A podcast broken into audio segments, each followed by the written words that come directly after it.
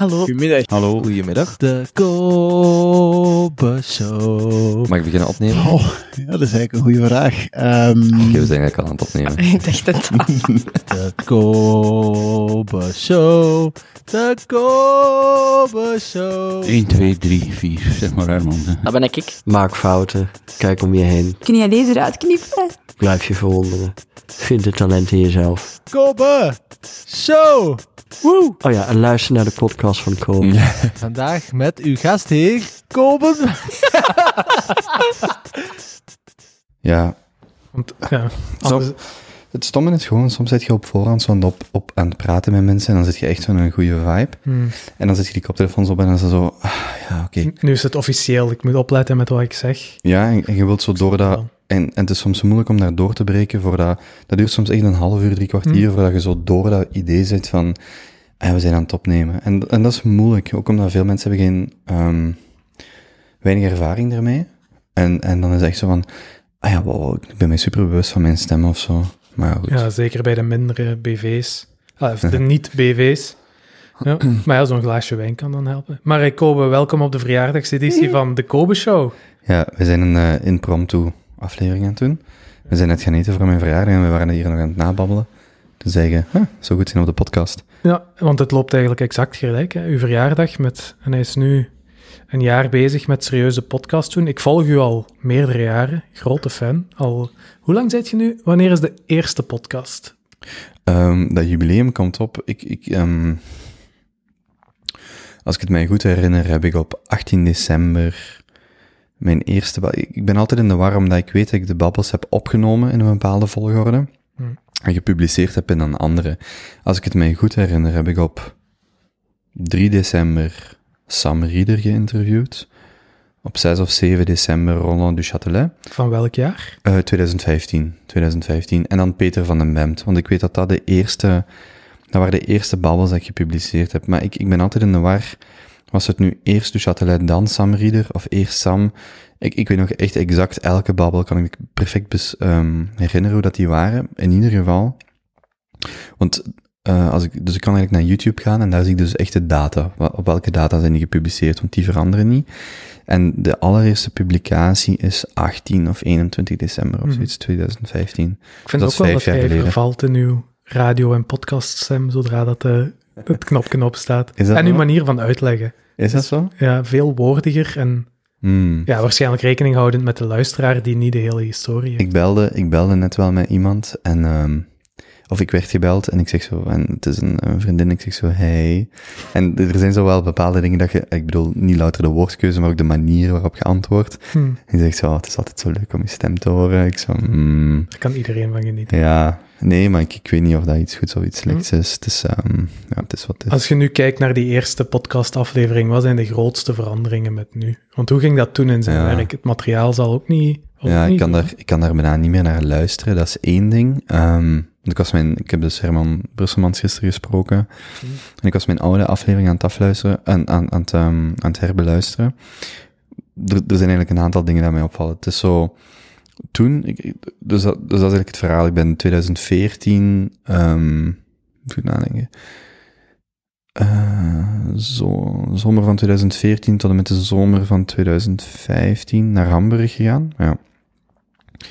Daar een jaar gewoond. Dat was voor mij eh, een, een heel, heel belangrijk jaar. Maar eigenlijk is dat jaar waar ik heel veel zo Tim Ferriss eh, ben beginnen luisteren. Hmm.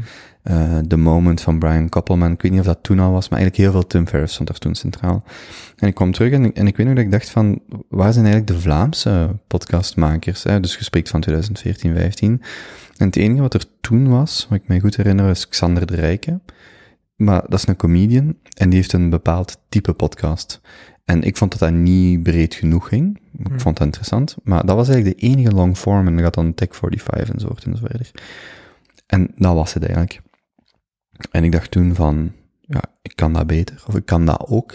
Ehm, en dan heb ik Peter van den Bemt gemaild. Ronald de Châtelet, want ik deed toen sta. Ik deed via de school, want ik ben dan teruggekomen van Hamburg. Mijn sta, mijn school, mijn studie afgewerkt. Ehm, Maar, en van waar kwam het idee van, ik kan dat ook? Want uiteindelijk, Ja, omdat niemand beetje- dat deed. Ja, niemand deed dat in Vlaanderen, dat was één ding. het- of deed niet wat, wat ik vond dat eh één Tim Ferriss deed, wat ik twee beter zou kunnen doen. Maar jij had ook geen opleiding in media? nee, nee, nee. En, en ook bijvoorbeeld, ik had toen nog nooit van Joe Rogan gehoord of zo, maar ik dacht gewoon, ik, ik ben geïnteresseerd in mensen, ik wil met mensen praten. En ik, ik heb dat altijd gehad als ik in Brazilië woonde, als ik in Duitsland woonde, ook hier, maar in, in, in die jaren werd mij dat heel duidelijk, omdat je zo expliciet in een andere context wordt gedropt, een andere cultuur. Bijvoorbeeld in, ehm, hier stond ik daar niet zo bij stil, want er is niet echt een barrière, er is geen taalbarrière.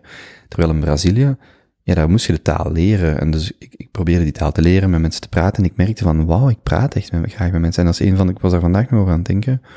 Dat is een van de complimenten die, die mij, ik weet niet waarom, maar dat blijft mij enorm goed bij, is dat op een bepaald moment in Brazilië komt iemand naar mij toe, een Braziliaan, en die zegt, Kobe, ik vind u eigenlijk een van de leukste uitwisselingsstudenten, omdat jij praat met iedereen. En deels was dat voor mij om de taal te leren, maar deels ook vanuit interesse. En die zei toen, ik vond dat eigenlijk mooi, die zegt, jij praat met jong, oud, arm, eh, rijk, dik, dun, maakt niet uit, jij wilt met iedereen praten. En dat is iets wat mij, ja, wat mij heel hard bijblijft, zo dat idee van, van me- mensen hun verhaal te, te willen horen. Mhm. En toen dacht ik van ja, in 2015, als ik dan terugkwam van, oké, die podcasts worden gemaakt, dat zit in de lift, ik kan, ik heb er de, ja, de tijd en de goesting voor. Dan heb ik Peter van den Bemt gemaild. Ehm, Waarom hem? maar ik vond dat en vind dat nog steeds gewoon. Ik, ik, heb altijd wel een gezonde interesse in voetbal gehad. En ik vond dat hij een heel aangename. Ja, die, die bracht op een manier. Ik denk wat, mij in hem toen aansprak, is dat hij gewoon top was in zijn veld. Gewoon de, de beste van België. En Ronald Duchatelet, omdat ik dus stage deed in, in Sint-Truiden op Staaien. En hij was daar, denk ik, eigenaar of eigenaar van de club, misschien ook van het stadion, dat weet ik niet meer. En Sam Rieder, omdat die toen met Jazzwick bezig waren, staande bureaus, en ik had daar een paar keer van gehoord. En, en zo is dat eigenlijk begonnen. En Peter van den Bemt zei van, je lijkt mij een vreemde vogel, maar het is oké, kom maar naar bij mij Hij thuis. was niet fout. Hij was niet fout. En dus Chatelet zei, daar heb ik geen tijd voor. En dan heb ik een mailtje gestuurd van, eh, laat ons dan drie kwartier doen of een half uur. Want dat was toen nog bij uw ouders thuis. Wel, ik woonde toen in Genk bij mijn ouders. Maar de, de eerste 30 of 40 afleveringen ben ik altijd op locatie geweest. Dus Sam Rieder was in zijn appartement bij hem thuis in Gent. Roland de Chatelet was in een, de, de Gold Meeting Room in Staaien. Ehm, en Peter van den Bemt was bij hem thuis. En, en ik, ik zeg het voor al die gasten die daarop gevolgd zijn, die komende 20, 30, 40.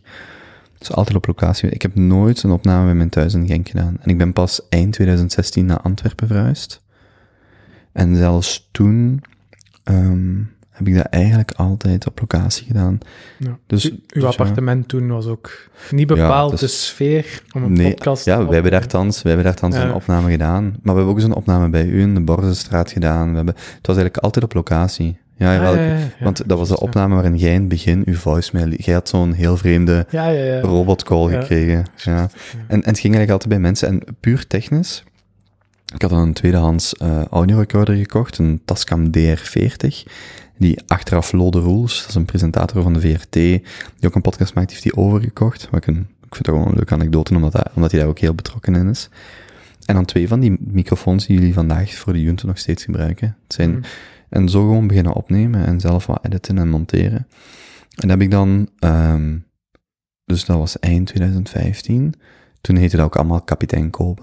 Oh ja, De Kapitein Oh, ja. Kobe Show. amai, dat ben ik Dat nog is, vergeten. ja, dat is echt wel iets voor... Nog altijd eh, een klinkende naam. Als ik Ja, ik, ik vind dat nog altijd, dat heeft zoiets jeugdigs en zoiets Mhm. spontaans. Het zou prachtig zijn als schilderij.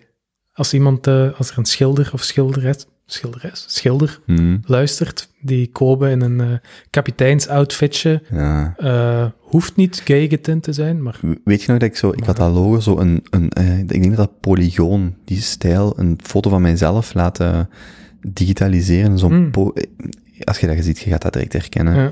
Dat gebruikte ik toen en ik, oh, ik weet niet dat ik een foto heb gemaakt met Alexander de Croo met zo'n oog, zo'n piratenoogklapje op en, dat ik, en met Adila, Marketing. met Adila Arbi ook gedaan en, en ja, op zich geen slecht idee, denk ik. Het is Nee. inderdaad iets jeugdiger, komt misschien iets minder serieus over. Het het had wel iets en ik, ik heb heeft een hoger keer, catnet-factor. Ik heb een keer met eh Raf Weverberg van FinPR, zo, ondertussen is dat een vrij grote bad in Brussel, toen samengezeten in eh, de Alice, dat gaat ergens in 2016 geweest zijn, en die zei toen ook van, klinkt catchy, maar kunt daar niks mee. Kunt daar niet verkopen, kunt daar niet dit, Hmm. kunt daar niet dat. En dat was zo, en, en dat is misschien een, een rode lijn tot op vandaag. Ik heb wel altijd zo dingen gedaan, of ik doe graag dingen, maar ik, ik, ehm, ja, ik heb het gevoel dat er heel wat mensen mij rondom mij staan, zowel zeer dicht, vrienden, maar ook mensen daar rond, waaraan ik raad kan vragen en advies. En dat vind ik, dat vind ik superleuk en dat merk ik vandaag nog, de, hoe dat, hoe dat louter al binnen de context van de podcast, dingen evolueren, maar ik heb echt het gevoel dat ik bij veel mensen daarvoor terecht kan. En dat is voor mij wel iets heel, Hm. ja, iets heel aangenaam. In ieder geval, ik heb dan drie jaar lang eigenlijk, dus vanaf eh, eind 2015, ehm, met een jaar pauze tot eigenlijk midden vorig jaar zo aan en uit die podcast gemaakt. Ik heb hem ook in 2017, dus toen had ik 40 opnames, heb ik een boek gemaakt waarin 30 opnames uitgetypt zijn. Juist. Met heel Ja. mooie grafische... Ja, ja, bijvoorbeeld. Bijvoorbeeld.be, ik denk dat dat zelfs nog online staat. Ja. En dat zijn allemaal van die, ik denk als ik daarop terugkijk, dat zijn allemaal zo gewoon ik die allerlei kleine dingen probeert van, wat is het nu wat ik doe of wie ik ben. Hm. En dan eigenlijk, ja, vorig jaar beslist van, ik ga dat nu eens gewoon twee jaar voltijds maken. En, en die ruimte was er, er, was een, er kwam een opdracht binnen, plus ik had financieel de ruimte om te zeggen van, ik, ik wil mij daarop smijten. En We zitten nu in jaar één. En daar ging het eigenlijk net over voor we begonnen op te nemen. Zo van, ehm, ik denk dat die babbel met Dries van Langenhoven, dat was, ik denk 4 oktober, ik weet niet van buiten, Hm. 2019, dat dat zo wel het moment was, zo die, zo die doorstart. Want ik had toen al een opname met ehm, Oliver Op de Beek, ehm, Joris van Bree, met u, ehm wel een soort van Junto. Er waren zo'n paar, maar die waren heel verspreid in de tijd. Ergens in, in juli of augustus beginnen opnemen en al zo'n paar afleveringen gedaan, een beetje twijfelend. Maar toen dat Dries van Langenhoven langskwam vorig jaar, en dat was toen nog in de cowork op het eilandje waar ik zat, toen had ik wel zoiets van, ah ja, oké, goed, kan, kan doorduwen. Dit is Hm. zo, die komt nu, en nu ga ik echt gas geven. Ja. En ja, ik, en, en dus dat was begin oktober, dus dat is exact een jaar geleden. Dat was aflevering 66 en dit is eh, in C181. Zot, hè? Dus dat zijn 115 afleveringen op een jaar. Ja. Ja, dat is twee, twee per week. Drie, ja, Ja, twee, twee. ja, per week. Nog een lockdown van zes weken ertussen, waarin iedereen heeft afgezegd, want dat was ook een drukke periode anders geweest. Hm. En ja, nu ook thuis. En, en, en alles evolueert zo. En ik vind dat wel, ja, ik vind dat heel cool. En er is het zo dat idee van, ik ben maar gewoon aan het praten, hè. Ik, Ja, ja, eh, maar. ik vind zo, Ik vind het leuk. er, er zijn een aantal dingen die mij, want ik heb er ook vandaag met, mijn vriendin over gepraat. En, en er zijn een aantal dingen die ik fundamenteel heel leuk vind. Ehm, en zo, ik ga voor u een herhaling vallen, maar er zijn veel mensen die dat niet luisteren. voor de luisteraar die dat niet weten.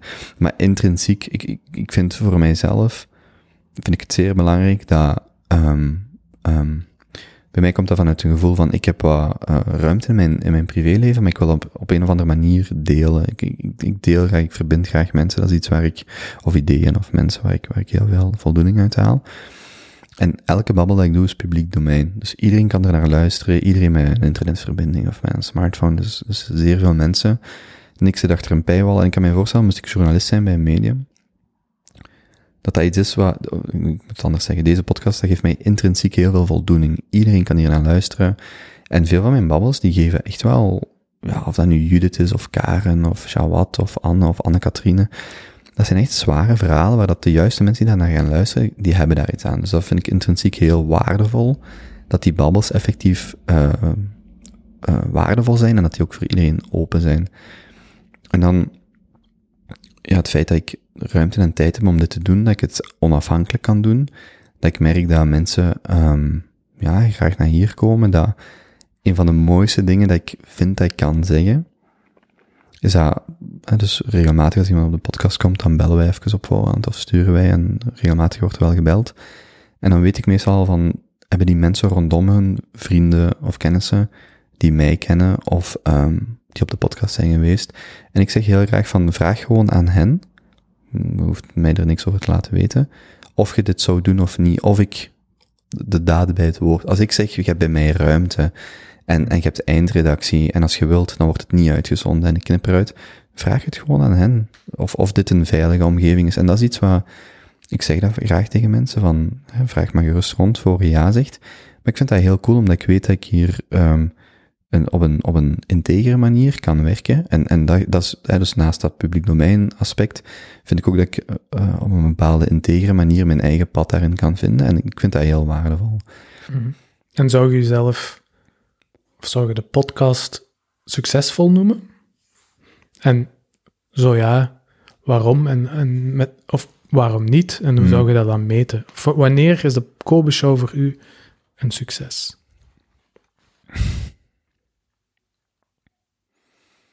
Ik denk niet dat je dat ehm, kunt definiëren in... Ik, ik, ik weet niet of je dat... eh, Je gaat mij ook al hebben horen gezegd, eh, gezegd hebben van... Het verschil tussen kwalitatieve en kwantitatieve dingen en, en het gevaar van iets kwalitatiefs te kwantificeren. Dus ik zou kunnen zeggen, ja, ik wil de eerste staan op die chart, of ik wil zo vaak vermeld worden, of dit of dat. Maar ik merk bijvoorbeeld, in de context van corona, de laatste zeven maanden, wat ik het hardste mis in mijn privéleven is mensen verbinden. Dus, dus wat ik graag deed met de podcast is mensen komen op de podcast. En dus gasten op de podcast, luisteraars, vrienden, mensen dat ik er buiten tegenkom. En ik doe dan een dinertje of ik breng die samen of een feestje. Dat mis ik keihard. Dus dat is het eerste waar ik aan denk van in welke mate kunnen de dingen die ik doe in mijn leven, en in deze podcast, versterken die wat ik intrinsiek het liefste doe. En wat ik het liefste doe is mensen met elkaar verbinden. Wie, wie zijt jij, waar zit jij mee bezig, waar worstelt jij mee? Dat kan gaan van een ask-call-spel tot en al dat soort dingen. Maar en hoe helpt de podcast daarbij? Want uiteindelijk interviewt je mensen. Ja, maar ik kom heel veel interessante mensen tegen. Hm. En, en ik weet dat de podcast, ik, ik, heb, ik kan daar niet een hard cijfer op plakken, maar ik weet dat er op dit moment honderden, zo niet duizenden, minstens honderden nieuwe connecties gelegd zijn. Omdat een heel cool effect van een podcast is. Ik was toevallig, ik zat gisteren in een koffiebar en daar, ehm er liep iemand binnen, een, ex-gast van mij. We hebben daar even gepraat en die zei ook van, Koop, het is eigenlijk heel cool, mensen luisteren naar die podcast, die sturen mij een berichtje op Instagram van, maar ik vind dat zo cool, dat de- die babbels maken de afstand tussen mensen kleiner. En, dat, en ik ho- hoor of voel dat niet per se, maar dat is wel iets wat ik weet dat aanwezig is. En ik vind dat heel cool, dus ik zou kunnen zeggen van, ja, ik wil daar of daar staan, of de grootste, of weet ik veel wat. Maar zolang ik het gevoel heb dat ik babbels maak die belangrijk zijn, die goed zijn, is dat voor mij, geeft mij dat zo die impliciete voldoening. Nu, ja, een succes, je zou kunnen zeggen, ja, wanneer het financieel op zichzelf staat. Ja. Ik denk dat dat wel, dat is iets wat eronder hangt. Mhm. En idealiter de podcast aan, dus de podcast zelf, die op zichzelf staat. Dus niet ik die eh, allerlei nevenactiviteiten ga doen om het break-even of rendabel te maken, wat zeker kan. Maar ja, ik kijk naar gasten gelijk Joe Rogan, Lex Friedman, eh, Peter Tia, gasten waar ik naar opkijk en ik denk, ja, die, die leven van een podcast. De vraag is of dat in Vlaanderen kan. Ik denk dat wel. Maar dat is wel iets waar ik naar uitkijk en denk van, oké, ik denk dat dat mogelijk is. Er zijn echt wel een aantal bedrijven in België, als adverteerder, eh, of voor de live shows of andere dingen, waar, waarmee ik zou willen samenwerken. Zo dat idee van merchandise bijvoorbeeld, dat is al, ik denk dat dat heel moeilijk is in Vlaanderen, omdat je gewoon niet genoeg mensen bereikt. Want heb je een idee van uw demografie nu? Ja, dus heel veel types onze leeftijd, 25 tot en met 35, waar wij pal in zitten. Heel veel centrumsteden.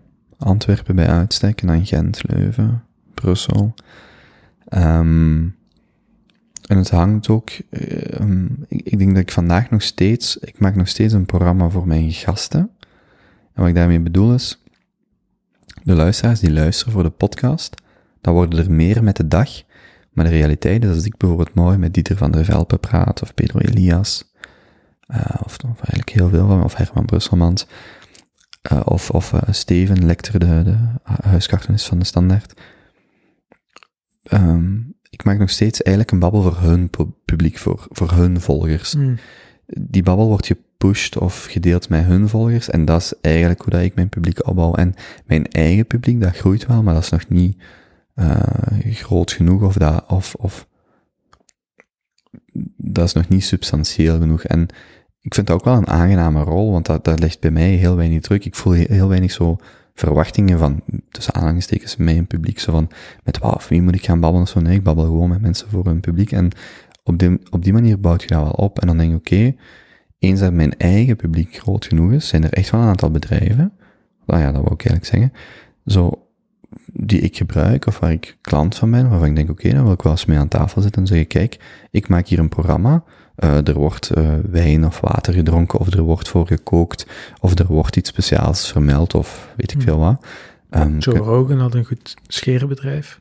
ja, om je balzak te scheren.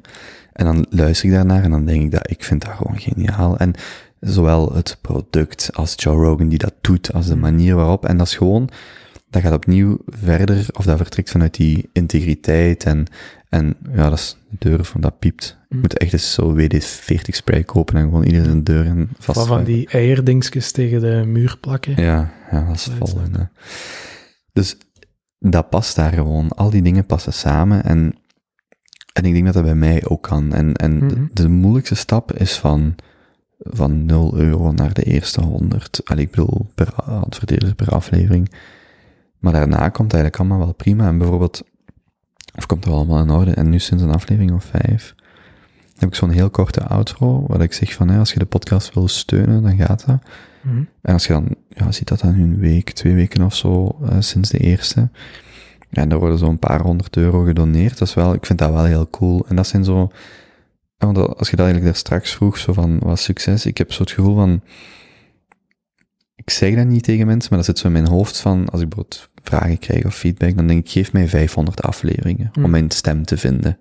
Of drie jaar of whatever. En ik zit nu op dat eerste jaar. En zo van, oké, geef, mij, geef mij tijd. En ik ik pra- praat vooral, vooral tegen mijzelf. Geef mij tijd om te vinden of te zoeken wie ik ben, wat ik probeer te doen, welk type gesprekken, welk type mensen, welke rol. Ik, ik voel dat ik maatschappelijk een engagement heb, Mhm. maar ik weet nog niet hoe ga ik dat invullen. En ik, dan aan, ik denk dan aan ehm, die publieke debatten of gesprekken tussen politici, politicologen.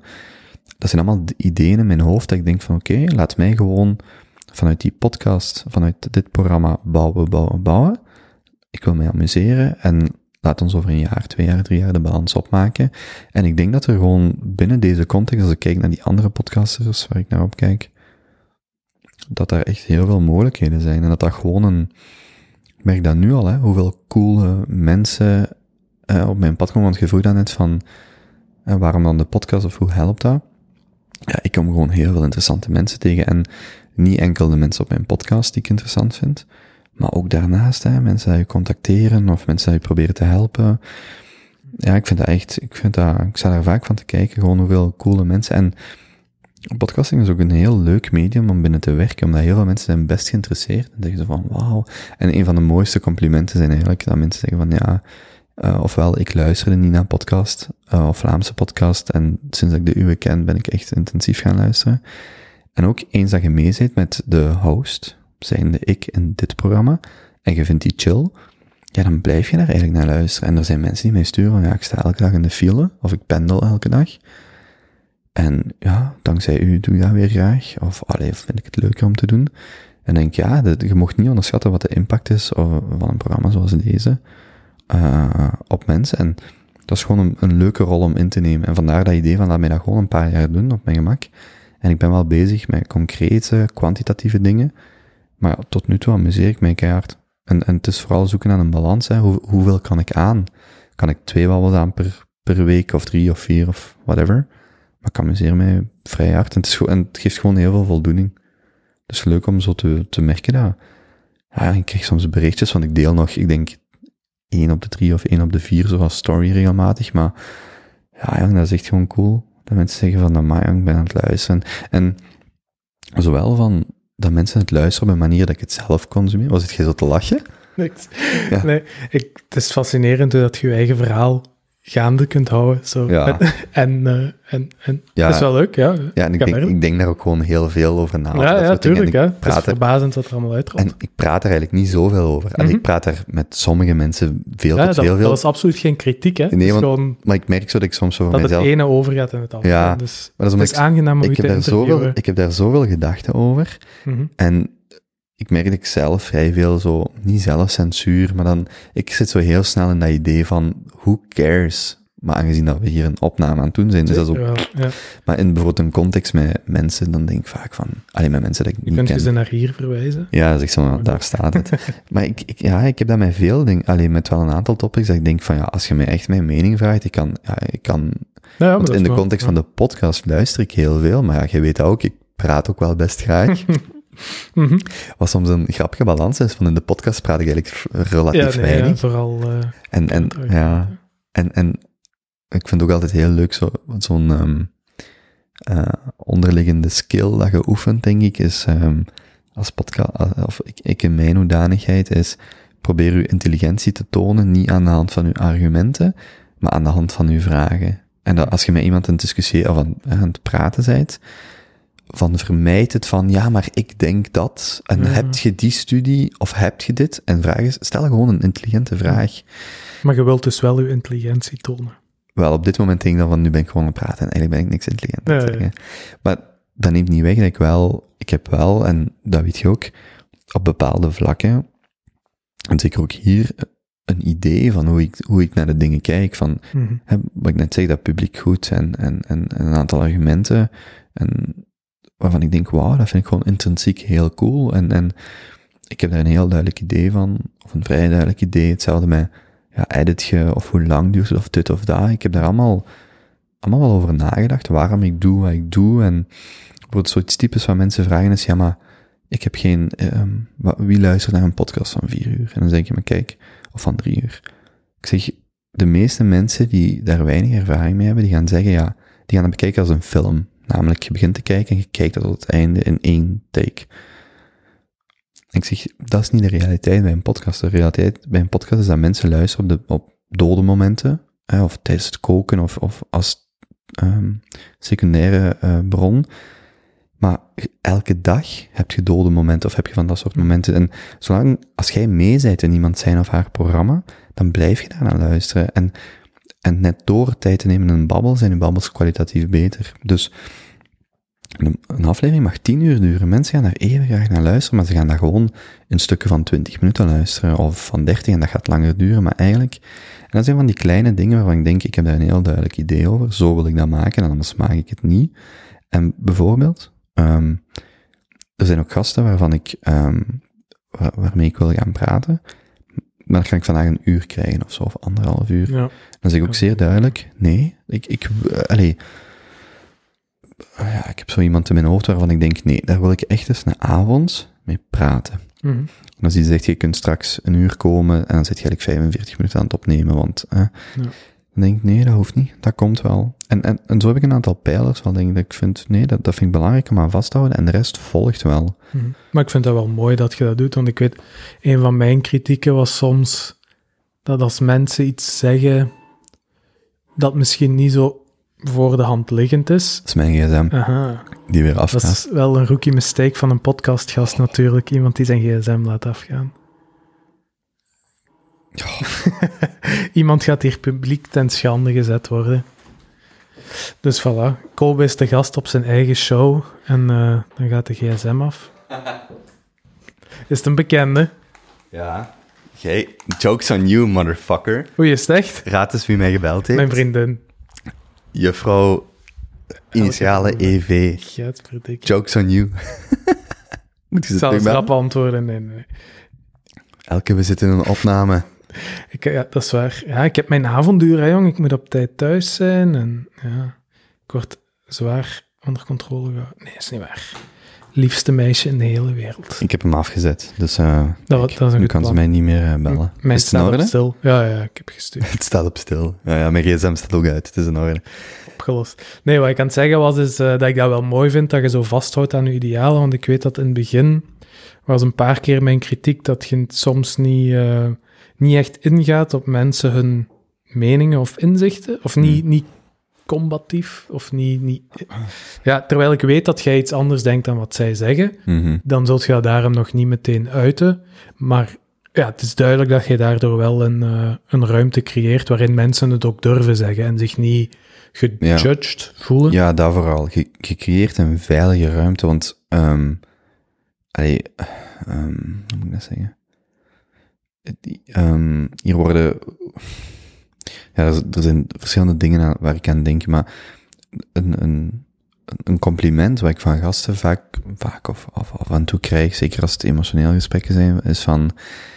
Ja, hier is de ruimte om iets te vertellen en hier is de tijd en, en mensen appreciëren dat zo hard en ik denk dat dat dat net zo'n onverwacht voordeel is, dat door, door- doordat het niet zo eh, bepaald format heeft, ik bedoel, het heeft wel een format, maar ik was ook daar straks aan het denken van, ja, ik heb eigenlijk geen achtergrond, ik heb eigenlijk geen eh, vooropleiding hierin, maar net thuis misschien de sterkte, het feit dat je niet te veel nadenkt en het moet in een bepaalde richting gaan, of het Mhm. moet zus of zo zijn. En vooruitkijkend, stel, Kobe is eh 30 jaar, oude mens. Volgend jaar. Ja, het is zielig. Ehm, wat, Os. wat, wat laat u dan zeggen van, ook dit jaar, we hebben weer vooruitgang geboekt. Ik weet, je, je wilt het zo weinig Hmm. mogelijk vastleggen, maar ik ga toch proberen om iets... Ehm, Gaat dat dan gewoon verder zoals nu, van we doen meer gesprekken, of zijn er echt dingen van, dit, dit wil ik beter, anders, meer? Mm, ja, ik zou sowieso aan dit tempo of misschien nog één versnelling hoger willen doordoen, Mhm. omdat ik het kan. Allee, om, ook, omdat ik het wil. Dus er, zijn een aantal dingen waar ik aan denk. Eén, zeker de tempo doordoen. Ehm, gewoon omdat dat is een juist tempo en dat is een traject waarop heel veel mensen nu tegenkomen. Dan twee, ik merk dat video heel veel van mij vergt. Zo wat? Hij moet hier, eh, hij moet hier eh, met madame communiceren. Ik merk, ik merk dat video heel veel van mij vergt. Puur een postproductie, dus dit online zetten, de audio. Dat is een half uur werk en alles staat online, maar de video erbij. Ik heb het al een paar keer horen zeggen, maar is dat niet gewoon uploaden en dan... Nee, want video is letterlijk een bestand van 60 gigabyte importeren. Maar dat is toch gewoon wachten? Je zit hier dan... Ja, Ja, maar het is, oké, oké, goed. Eh, het is daar 20 minuten op wachten. Hm. Dan importeren in Final Cut Pro, 20 minuten wachten. Dan je audio synchroniseren. Dan exporteren, drie uur wachten. Als je laptop blijft hangen, dat doe ik meestal s'nachts. Als je laptop blijft hangen, kun je 's morgens opnieuw beginnen. Dan moet je eigenlijk je bestand comprimeren, dat je niet een bestand van 30 gigabyte gaat uploaden. Dat duurt nog eens twee uur. Hm. En dan moet je het nog uploaden zelf. En dat is gewoon, dat zijn heel veel stappen waar dat iets kan misgaan. En dat, dat, is, dat gebeurt gewoon vaak. Dan word ik 's morgens wakker en denk ik, ah, nu ga ik mijn video uploaden. En dan moet dat nog exporteren, want de laptop is vastgelopen of zo. Ja, ja, ja. En dat is gewoon disproportioneel meer werk om die video te publiceren. En ik vind het belangrijk om te doen, maar dat vergt heel veel. Dus, dus sowieso, hè, om om op je vraag te antwoorden, één, aan hetzelfde tempo of een hoger tempo verder doen. Twee, een oplossing vinden voor die video. Want mij dat, dat, het, het punt is ook niet dat mij dat veel eh, tijd vergt, want ik heb tijd, maar dat vergt gewoon heel veel, dat is heel veel gedoe. Hm. En dan drie, en dat is eigenlijk een nieuw probleem. Het is zeer zwaar om dat hier te blijven doen. Het is een, dit, het is heel leuk om dat thuis te doen in deze setting, maar het is ook altijd bij u thuis. En hier worden soms verhalen verteld die zeer zwaar zijn. Hm. En ik voel dat ik voor, dus ik moet misschien iets anders zeggen. Ik weet niet of het hier thuis doen, of dat de juiste probleemstelling is, maar het is eerder, ik moet een manier vinden om zo wat te, om te dissociëren tussen wat er op de podcast, allee, als hier iemand zit te vertellen over een psychiatrische opname, over een verkrachting, ehm, over, over, een, over een echtscheiding, het verlies van kinderen, dat zijn allemaal heftige verhalen en ik voel, als Karen hier was, ik ben daar echt, ehm, ik denk, zonder zeven, vier weken niet goed van geweest. En ik bedoel niet, niet goed van, ik, ik zat heel vier weken te huilen of zo, maar dat, dat, dat kruipt, dat, zijn, dat, dat is die verkrachting en, en Mhm. de, de borstamputatie. Dat zijn echt verhalen, dat, dat kruipt zo onder uw vel. Ja. En ik heb er nog zo, en vaak zijn het niet, het is niet louter dat iemand een zwaar verhaal moet hebben, maar er zijn, het, het is meer de druk die ik mij opleg van te weten van deze persoon heeft een verhaal, maar ik wil dat ook in schoonheid brengen. En, en soms zijn die zeer zwaar, die verhalen, maar ook bijvoorbeeld Doreen Draps was hier. Ja, en in één zin, eh, enig kind, opgegroeid in een, in een gezin van alcoholiekers.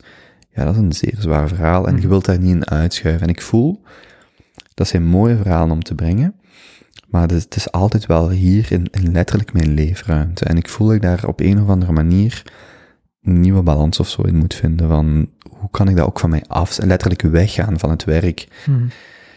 En dus dat is één ding waar ik het- het komend jaar over wil nadenken. En dat gaat dan over een studio huren of ergens een ruimte Mogelijks, maar dan, ja, mogelijks. te Ja. bekijken.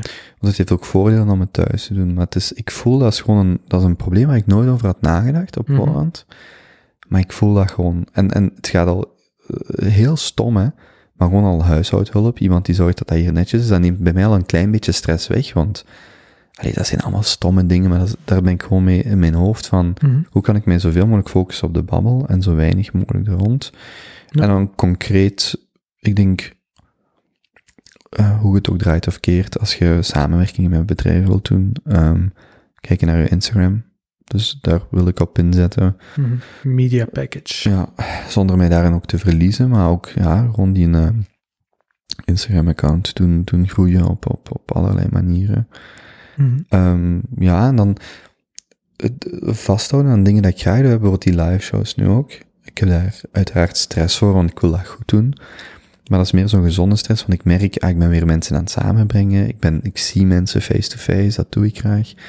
En zo is dat wat zoeken. En ik denk, ik, ik- heb echt, ik ben echt 100% overtuigd van, blijf gewoon op dit pad en blijf vasthouden aan wat je graag doet. En, en al die leuke dingen komen wel op je pad. En er zijn, ik was eh, vorige week bij mijn ouders. En dan, mijn moeder liet een filmpje zien van het eh, ziekenhuis Oost-Limburg, het ziekenhuis in Genk waar ze werkt. Dat was zo'n promofilmpje van drie, vier minuten en dat was generateerd door eh, Stijn Meures. Hm. En toevallig een paar maanden daarvoor heeft Matteo Simoni ook een filmpje gemaakt voor Toerisme Limburg. En toen kwam dat ter sprake en toen, toen zei ik ineens van, ja maar, ik bedoel, ik krijg complimenten over mijn stem of mensen zeggen van, hé, ik heb een aangename stem om naar te luisteren. Ik ga nooit voor de VRT werken, maar dan denk ik, ja, als morgen eh Cool Blue een lokale campagne in Limburg wil doen en ze zoeken een, ja, De ik- Voice van Limburg. uh, de voice van Genk. Podcast van het jaar. Ja, de stem, de kracht. Maar dat zijn allemaal van die dingen, allee, dat zijn nu stomme, banale voorbeelden, maar ook niet helemaal, maar dat, dat kadert zo'n idee van laat mij gewoon doen wat ik doe. En, en die dingen komen wel op mijn pad en het is voor mezelf van zoeken van hoe of wat. En Ik vind dat echt een hele unieke ingesteldheid. Ik denk niet dat ik iemand anders ken die zo zegt van ik doe mijn ding en het komt wel. Ik denk dat hm, ik kom heel veel mensen tegen die jagen naar wat ze willen en, en al hun doelen en erachter zitten en iedere dag opnieuw met dat treintje vooruit rijden. Ik vind dat, ja, ik, ik weet ook niet of ik mezelf erin zou kunnen vinden. Zo het, eh, je moet er heel, heel fel voor in jezelf geloven, denk Mm. ik. Ik moet wel zeggen, ik heb zo de laatste jaren mm, zo'n aantal mensen tegengekomen. ehm, en zowel, zowel creatieve mensen, maar ook bijvoorbeeld ehm, wetenschappelijke types die bijvoorbeeld onderzoek doen en zeggen, ik ga dat vinden. Misschien duurt dat twintig jaar, maar ik ga dat, ik ben nu een beetje aan het... eh, Parafraseren. ja, maar ik vind dat wel heel sterk wanneer iemand kan. ehm, ik denk, wat voor mij een heel groot, eh, voor heel veel mensen is, is een struikelblok is, of een, of een probleem of een situatie, is de, de erkenning van buitenaf. Hè. Dus gisteren, Hmm. eergisteren sta ik in een krant en aan de ene kant denk je, eindelijk ziet iemand wat ik probeer te maken, hè, zo dat stemmetje. Aan de andere kant kon ik dat ook heel goed relativeren van, het is maar dat. En eigenlijk waar ik En hoeveel luisteraars zijn erbij gekomen? Het doet weinig. Ja, Da- dus daarvoor, uiteindelijk... daarvoor moet je het niet doen. Maar wat ik wil zeggen is, ik denk dat je die erkenning van buiten, eh, die erkenning zoekt je. En ofwel zoekt je die, of krijg je die van buitenaf. eh, mentions, likes, volgers, eh, krantartikels, tv-optredens enzovoort enzovoort. Of je zoekt dat in jezelf. En dat zijn de mensen die vaak, die ik dan ben tegengekomen, waar ik denk, wauw, die hebben zo echt zoiets van, ik zit op een pad wat dicht, bij wat dicht blijft bij mijzelf. En al de rest komt wel in orde. En dat is, en ik probeer daar naar te kijken en te zeggen, oké, ik probeer dat dan, ik heb soms zo van die vreemde uitspraken in mijn eigen hoofd, dat ik zo denk van, je kunt niet elke dag touwtjes springen en dik blijven. Je kunt dat niet twee jaar aan een stuk. Zo moet ik soms dingen verwoorden in mijn eigen hoofd, om uit mijn zetel te kopen. En hetzelfde met dit. Je kunt niet vijf jaar lang honderd babbels doen die ik doe en niet opgemerkt worden. Hmm. En dat geeft mij zo'n soort van innerlijke rust van, als ik er zo naar kijk, van uiteraard, en dat is ook wat ik net bedoel met, begin mij te beoordelen of veroordelen vanaf aflevering 500, geef mij ruimte en tijd om dat te zoeken. En dat kadert allemaal in dat idee van, maar dat kan evengoed voor uw carrière zijn of voor uw relatie, of geef ons twee jaar om, of drie jaar of tien jaar om te ontdekken of wij voor elkaar gemaakt zijn. Dat, is zo, dat neemt gewoon de druk van het nu Mhm. weg. Dat geeft gewoon van, we proberen het te vinden. En dat is hier ook zo van, tuurlijk ben ik wel bezig met de concrete dingen, sponsors, adverteerders, bla bla bla bla. Maar het gaat meer om, zolang ik de lijn bewandel die ik wil bewandelen, dan komen die dingen wel. En die erkenning of bevestiging, die vind ik elke dag in mijzelf. Veel meer dan of ik nu ergens in een krant of niet of dat. Dat is, dat is een leuk, dat is een leuk. Maar ik, het- ik was eigenlijk van mijzelf, als ik mijzelf dat compliment mag geven, eigenlijk positief verbaasd dat het mij niet, niet zo van, oh, want het is eigenlijk echt de eerste keer dat er over mij geschreven wordt zonder dat ik het zelf weet. Hm. Dus eigenlijk is dat een, een krant die heel, in heel Vlaanderen verdeeld wordt. En denk ik, ja, ik vind dat eigenlijk heel cool, maar het is ook maar dat. En dat is omdat ik weet hoeveel moeite ik ervoor doe, hoeveel werk ik erin steek, dat ik het op een integere manier doe. Dat ik, dus dan denk ik, ja, jong, doe dat gewoon. En dat is, dus als ik net zeg, je kunt niet elke dag touwtjes springen, twee jaar lang en dik blijven, dan denk ik, je kunt niet elke dag een podcast of hè, elke week een, paar afleveringen publiceren en die dingen niet op je pad tegemoet komen. Mhm. En wat dat die dingen dan zijn, ja, dat is, dat is dan een moeilijkere vraag. Mhm. Is dat, is dat 10.000 euro per maand? Zijn dat de maten dat je eraan overhoudt? Zijn dat de, de, de interessante plekken waar je komt? Ja. De gesprekken dat je met mensen hebt? Mhm. Maar het is een Ah. heel andere insteek dan, eh, dan iedereen die werkt en zegt: ik moet tegen volgend jaar de volgende promotie hebben, of ik moet zoveel omhoog gaan, of ik heb al deze doelen Hm. die dit jaar af moeten. Het, eh, ja, het hele idee van wachten en we zien wel wat. Maar dat is komt. gewoon, maar dat is de vraag stellen waarom, hè. Stel dat ik tegen u zeg, ik heb vandaag per aflevering duizend luisteraars. En ik wil er volgend jaar 10.000 hebben. Mhm. Ja, waarom? Ja, om, om adverteerders. Ja, waarom? Ja, om er geld uit te halen. Ja, waarom? Ah, Ik bedoel, Mhm. en die vraag stel je gewoon vijf keer waarom en kijk waar je uitkomt. En, en dat heb ik voor mezelf denk ik vrij duidelijk gedefinieerd. Ehm, en ja, de rest zien we dan wel. En, en, en dat, dat zijn van die typische dingen dat je niet kunt hard maken, maar waar ik wel in geloof van, als je op een, op een bepaalde manier in het leven staat, dan komen, die goeie, dan komen er de bepaalde dingen op je pad. En, en ja, we zullen wel zien wat dat, dat is, maar natuurlijk verwacht ik dat ik over... Er is een reden waarom podcast van het jaar.be... Ja, mensen moeten er maar eens naartoe surfen. Ik bedoel, ik, ik- ben niet, ik ben niet, niet ijdel of zo, of niet, niet... Een beetje hoogheidswaanzin. Maar dat, Eh, dat sowieso- moet je hebben. Hè, Ja, Dat sowieso. En, en ik steek dat ook heel, want het hangt zelfs op mijn, op mijn, ik Ja. heb zo die collage gemaakt zonder grootheidswaanzin zou komen Ah, bestaan. En dus ik, ik, ik heb dat sowieso, maar ik vind het wel heel cool, of dat is, dat is ook een van die fundamentele dingen waar ik plezier uit haal, of voldoening, is, ik heb mijn, mijn sterktes en mijn valkuilen, zo dat heel competitieve en zo wat dat, dat provoceren en dat. Maar ik heb het gevoel dat ik dat vandaag op een manier gebruik die uiteindelijk positief is. Hm. Dat ik soms een, in een gesprek iets durf vragen aan iemand, dat ik denk, oh, heb je dat echt durven vragen? Want op een bepaald moment, Anne zat hier, en die, eh, vijf kinderen, en die zegt, ik voelde mij veel meer moeder dan vrouw. En ik vraag zo naar, wat is het verschil? Terwijl, ik vind dat een zeer provocerende, natuurlijk weet ik wat, dat, dat er een nuance is, maar ik vind dat een provocerende vraag, maar daar, omdat er die veiligheid is, geeft zij daar een heel mooi antwoord op. Maar dan voel ik, ik was aan het herbeluisteren, dat ik echt, en ik, ik, ik, ik haalde aan omdat ik in de opname even zo mijn adem voelde, zo van, dit is wel, de manier waarop ik dat vroeg was, vond ik vrij provocerend. Hm. Maar, om maar te zeggen, zet mij morgen in een teamcontext, en daar komt ruzie van, hè. Ja, laat, mij, ja. laat mij niet samenwerken met mensen, laat mij niet, tenzij dat op een spe- specifieke manier is, maar ik word daar zot van. Mhm. Terwijl hier heb ik zo dus het gevoel dat mijn, mijn sterktes en mijn valkuilen, die worden op een bepaalde manier goed ingevuld. En Hm.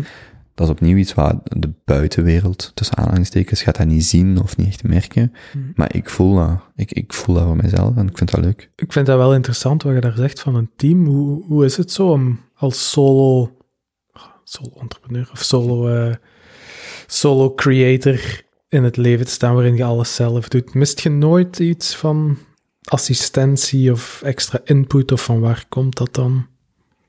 Of het is zoals het is? Maar de leukste erkenning van iets solo te doen, is wanneer mensen zeggen, ja, ik wil ook een podcast starten, maar het is toch meer werk dan ik dacht. Ja, En dat is voor veel creatieve dingen Ja, ja, zo. hè, dat is zeker niet. ja. En dan denk ik, je weet ook, als je morgen een eh, applicatie bouwt of iets, en dan zegt de volgende, ah ja, dat ga ik ook eens bouwen, en dan, ah ja, het is toch iets meer werk dan Mhm. ik dacht. Dus gewoon al het materiaal dat hier al... Ik denk niet dat mensen Ah. beseffen hoeveel kabels en Ja. werk en uren... En hoeveel, hoeveel iteraties en dit is proberen en dat is en zo Mhm. en zo. En Dus, dus dat is één ding. Een ander ding is, ehm, ja, tuurlijk is dat, heeft dat voor- en nadelen. ehm, maar op, op dit moment zijn die, zijn voor mij die dingen in balans. Maar ik voel wel, Zou je graag nog iemand hebben? ik denk dat dat op termijn zeker kan. Maar dan gaat het ook, hè, wat ik net zei, van als ik het niet thuis zou blijven doen, maar bijvoorbeeld op een locatie. Hmm. sowieso in Antwerpen ergens, maar ergens waar ik het zelf kan inrichten, ja, dat is sowieso het, het eh, zogenaamde Jamie-equivalent, Ja. is, wel, is wel heel interessant, maar En dat is iemand die eigenlijk achter de schermen alles regelt van de Mhm. microfoons en het beeld. ja, maar je moet ook, in mijn hoofd is dat ook heel duidelijk, dat is een, dat is een zeer grote eh, productionele stap, Hm. hè, want die persoon kan dan eigenlijk ook hè, dus de livestream of eh, ik bedoel de video, eh, dus multicam aansturen. Die persoon kan al het postproductiestukje van u wegnemen. Die persoon, als die competent is, kan ook contact met adverteerders. Die kan uw social media stukje doen. Dus Mhm. dat is echt een stap, een productionele waarde. En eigenlijk is het heel simpel. Iemand in dienst nemen kost 20, 30, 40, 50.000 euro per, per jaar, of afhankelijk van wat uw overeenkomst is. Als de podcast, dit programma op een bepaald moment op een, moment, eh, op een bepaald moment op een punt zit waar je zegt, kijk, eh investering van buitenaf of een lening of wat dan ook. En ehm, ik kan nu twee, drie jaar lang zo iemand in dienst hebben om die productionele stap te zetten. Sowieso, hè. Maar dat is echt voor mij, in mijn hoofd is dat echt productioneel een zeer grote stap. Ook financieel natuurlijk. Ja. En dan denk je, oké, dat, dat hoeft nu nog niet per se. Bestaan er geen fondsen of organisaties voor die dat doen? Het ondersteunen. ik kan me voorstellen dat jij wel valt Ja, maar er, onder een noemer van kunstenaar. ja, of, er, zijn mensen die heel graag, ja, er zijn mensen die heel graag van die subsidieaanvragen schrijven. Ik ben daar geen van. Hmm. Dus dat bestaat. Ik heb ook al bij Pascal de Crozes, de Kroos, de Kroof, de Kroos is zo'n eh, journalistiek fonds, maar ja, vaak valt je er dan net buiten of je kent... Subsidies zijn voor iedereen, maar het helpt om de juiste mensen te kennen. Hmm. Dat is vaak zoiets wat ik wel... Of om, ja, sommige mensen schrijven graag subsidiedossiers en, en ik denk dan ergens in mijn hoofd zit als morgen een uh, gulle sponsor of een mecenas, of uh, het maakt zelfs niet uit hoe of wat. Ik, ik, kan het op, ik kan het op deze manier, gelijk ik het vandaag doe, nog een hele tijd zelf doen. Moest ik iemand mee aan boord nemen, is dat gewoon om een hele productionele stap te zetten, maar dat is vandaag nog niet. Ik zou dat niet doen vandaag om mijn stukje te ontlasten. Het zou echt zijn om te zeggen van, we hebben een bepaald publiek bijvoorbeeld, een bepaalde inkomsten, uh, donaties, merchandise, wat dan ook. En je gaat gewoon, je maakt gewoon een businessplan, ja, een bank en die zegt, oké, okay, hier is 150.000 euro, en maakt je programma maar en zet dan die stap. Maar dat is helemaal nog niet aan de, aan, aan de orde. En ik kan het op deze manier goed doen. De vraag is gewoon bijvoorbeeld gelijk die video, wat dan disproportioneel veel tijd inneemt. Hoe kan ik dat soort dingen oplossen? Maar dat gaat zich met de tijd ook wel zetten. En het is Uh, nog altijd leuk om mee bezig te zijn. Toch? Ja, Voornaamste. ja, en ja, ik zeg het, alleen in de kern, Benjamin zegt dat soms zo plat. En niet plat, maar die, die kan dat op een duidelijke manier zeggen van, ja, uw job is eigenlijk gewoon met interessante mensen praten. Hoe, hoe erg kan het zijn? En Mhm. niet, niet om dat te minimaliseren, maar ik bedoel, dat is wel, dat is wel de kern. Je omringt je met heel interessante mensen en ja, dat is per definitie een goede, of een, of een, dat is een goede basis om vanuit te vertrekken. En natuurlijk zijn er dan problemen lossen, want ik zei dat ook voor wij begonnen op te nemen. Als hier een gast zit waarmee ik vier, dus iemand, een, een luisteraar ziet een gesprek van vier uur on the record, maar daar zit 12, en als ik eerlijk ben, 13, 14, 15 uur tijd in, van echt eerste contact tot de post die iemand op uh, Instagram ziet verschijnen. En dat is echt dan pak 14 uur in uw hoofd. Zwaar, vind ik, zware mentale arbeid. Hmm. En dat is wat ik ook bedoel met het hier te doen. Daar moet ik nog iets meer een balans in vinden, want het is echt heel veel in mijn hoofd. Ja, want dat weet ik eigenlijk zelf ook niet. Hoe bereid je je voor op, op mensen? Of bereid je je niet voor? Leest je iets? Vragen opstellen? Of komt het echt gewoon... Dat hangt ervan af. Ik vind, um, soms zijn er boeken dat ik lees en dan denk ik, okay, ik wil met die auteur spreken. Bijvoorbeeld bij Karel Antonissen was dat zo.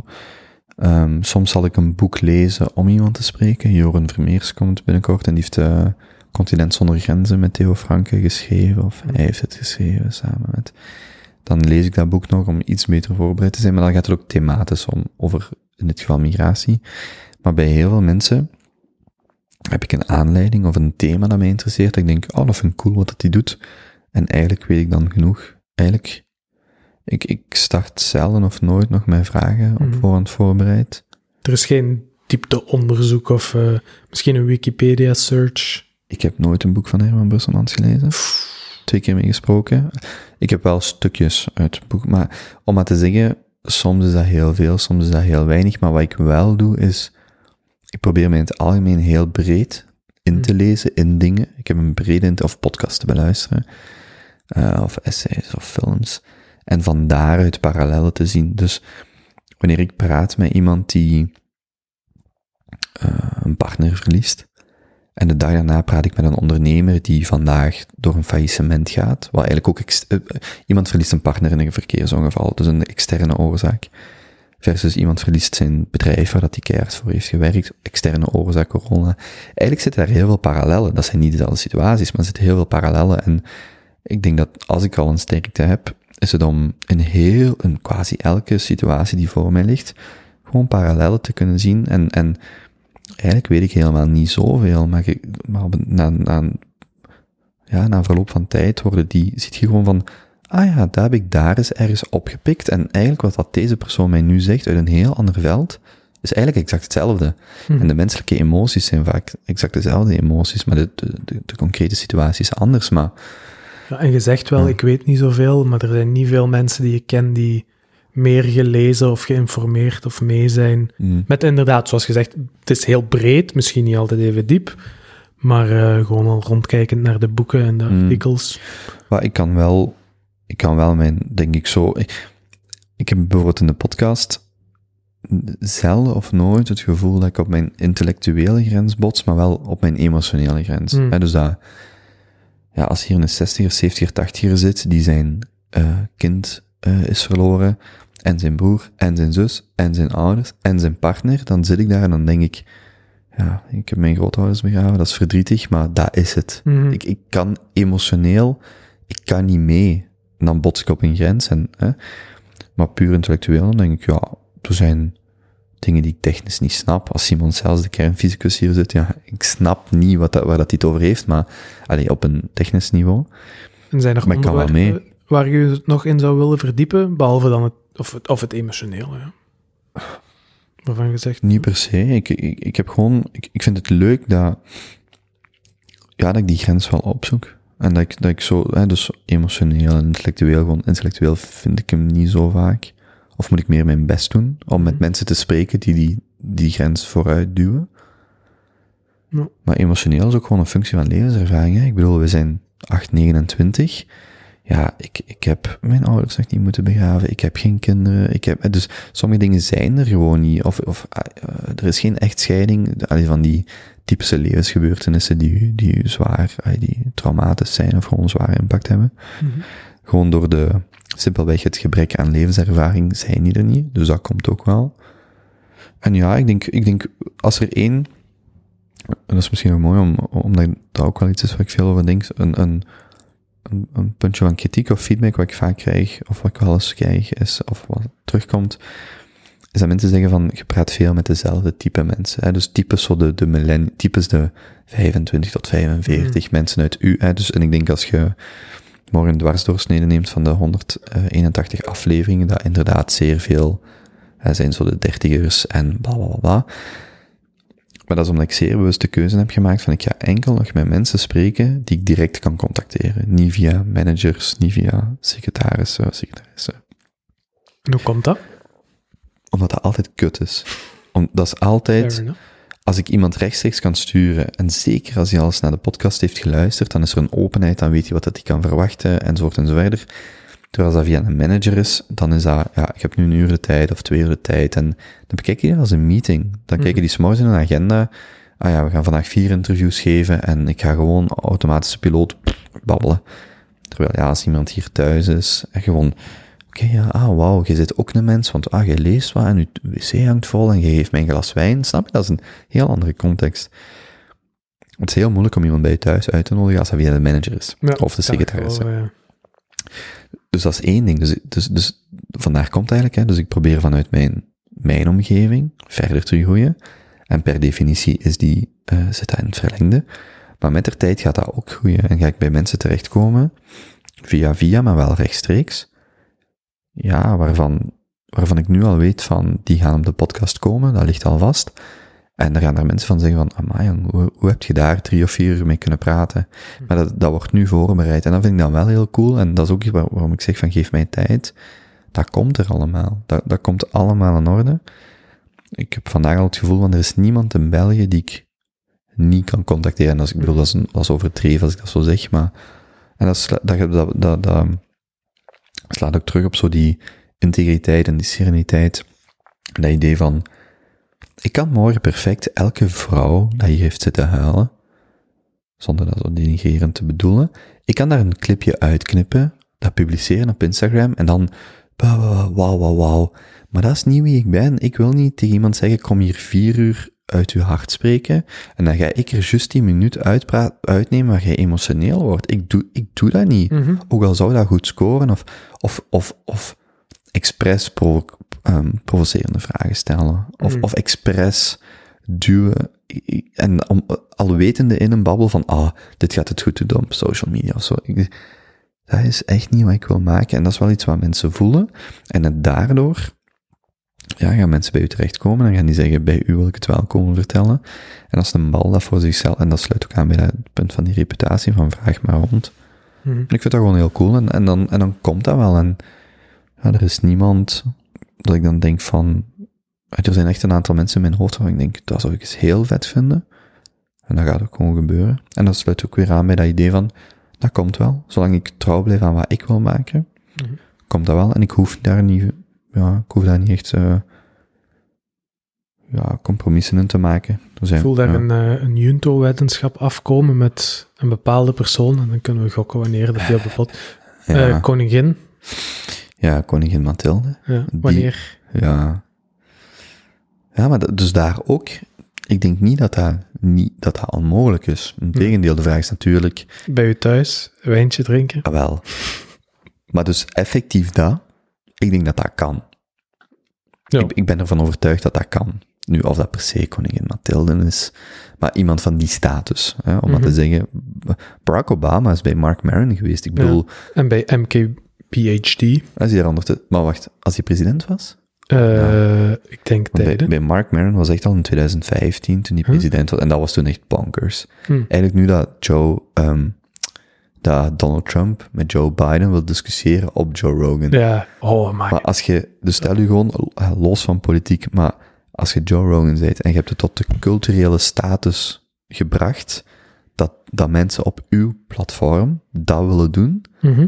dan denk ik, ja, dat, maar dit, dat kan ik ook in de De Vivaldi-editie. de, de Vlaamse editie, maar om maar te zeggen, de schaal is heel anders, maar onderliggend is het idee hetzelfde, Ja. namelijk, en dat vind, ik, dat vind ik zeer cool, en dat gaat ook, ik blijf daarbij die culture wars, dat komt ook naar Vlaanderen, dat, dat is er al, dat, dat wordt enorm, Mhm. dat gaat zeker naar 2024 enorm de spits worden gegeven, en eigenlijk wat zo cool is, is dat vandaag in de VS, als je rondvraagt, links, rechts, maakt niet uit, waar gaan we praten waar dat er een geloofwaardige ehm, onafhankelijkheid is, of neutraliteit, dan zijn dat de podcasts. Dan is dat Mhm. niet CNN of Fox of MSNBC of New York Times, dan is dat ja, Joe Rogan, daar gaan Mhm. we praten. Want daar weten we, die heeft misschien ook zijn idee of zijn voorkeur, maar dan gaat het ongeëdit 1, 2, 3, 4 uur lang houden. Mhm.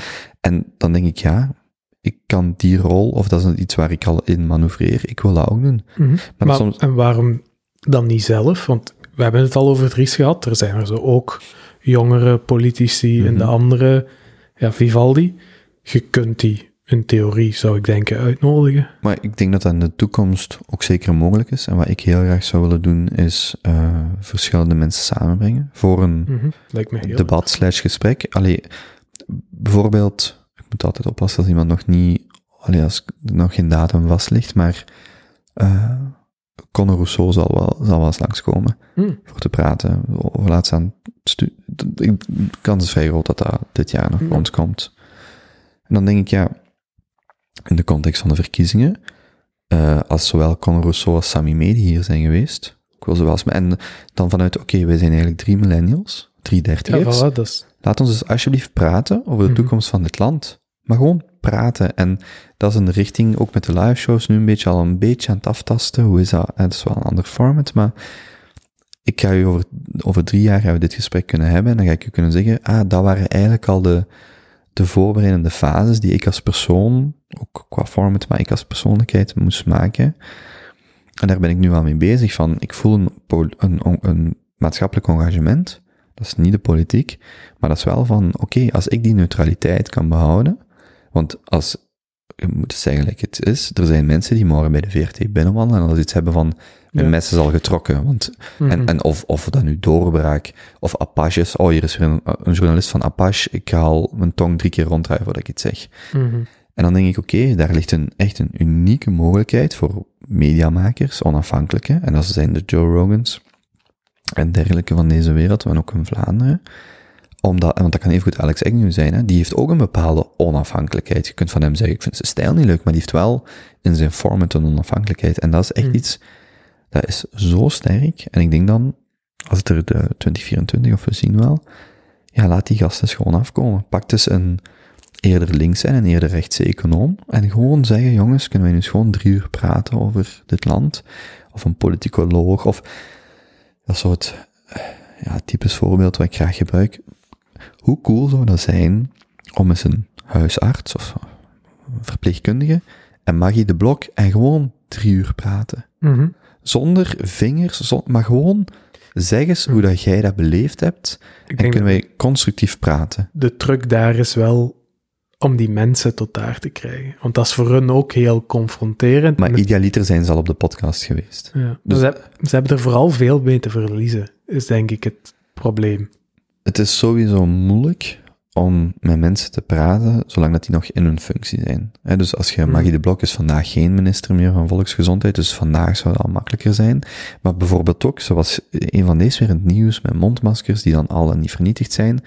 En dat is altijd hetzelfde, die negativiteit, en je had het moeten weten, en deels vind ik dat volledig terecht vanuit de actualiteit, maar ik, behalve dan zo'n fragmentje van 20 seconden waarin zij zich verdedigt, ik zie die discussie, ik hoor die nergens ten gronde. En ik wil gewoon die mensen samenbrengen en gewoon kunnen we daarover praten. Kunnen we dat, en dat is dan weer een rol die ik graag aanneem, dat, dat verdriet collectief dat iedereen voelt in deze, Mhm. kunnen we dat gewoon eens onder woorden brengen, zonder, en jij dit en jij dat, en aan de ene kant hebben mensen veel te verliezen, ik begrijp het argument, aan de andere kant, als je net die neutraliteit kunt bewaren, is dat net een heel sterk, als je het dan gaat doen, doe het dan hier, in deze ruimte. Ja, ja, waar.